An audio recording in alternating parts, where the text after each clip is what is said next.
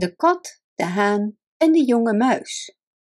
Een heel jonge muis, die nog nooit iets van de wereld had gezien, kreeg bijna verdriet toen hij zich voor het eerst de wereld inwaagde.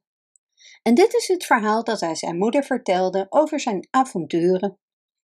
Ik liep heel vredig voort, toen ik, net toen ik de hoek omsloeg naar de volgende tuin, twee vreemde wezens zag. Je had ze eens moeten zien. Boven op zijn hoofd en voor zijn nek hingen stukjes rauw rood vlees.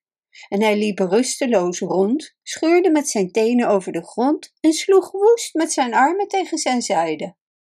En op het moment dat hij mij in het oog kreeg, opende hij zijn spitse mond alsof hij me wilde opslokken.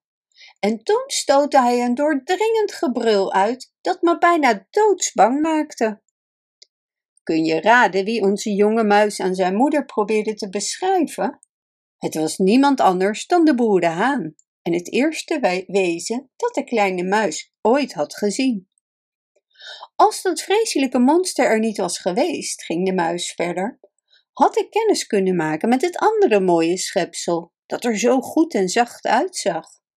Hij had een dikke fluwelen vacht, een zachtmoedig gezicht en was heel bescheiden, hoewel zijn ogen helder en glanzend waren. En terwijl hij naar me keek, zwaaide hij met zijn fijne lange staart en glimlachte. Ik weet zeker dat hij net wat tegen me wilde zeggen toen het monster, waar ik je over heb verteld, een kreet en een schreeuw slaakte en ik rende voor mijn leven.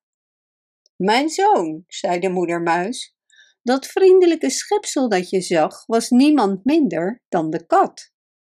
Onder zijn vriendelijke voorkomen koestert hij een wrok tegen ieder van ons.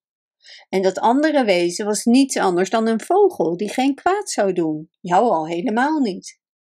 En wat de kat betreft, hij eet ons op. Dus wees dankbaar, mijn kind, dat je ontsnapt bent aan de dood. En beoordeel, zolang je leeft, mensen nooit op hun uiterlijk. Bedankt voor het luisteren. Wist je dat je dit verhaal ook op onze website ririro.com/nl kunt lezen, downloaden en printen?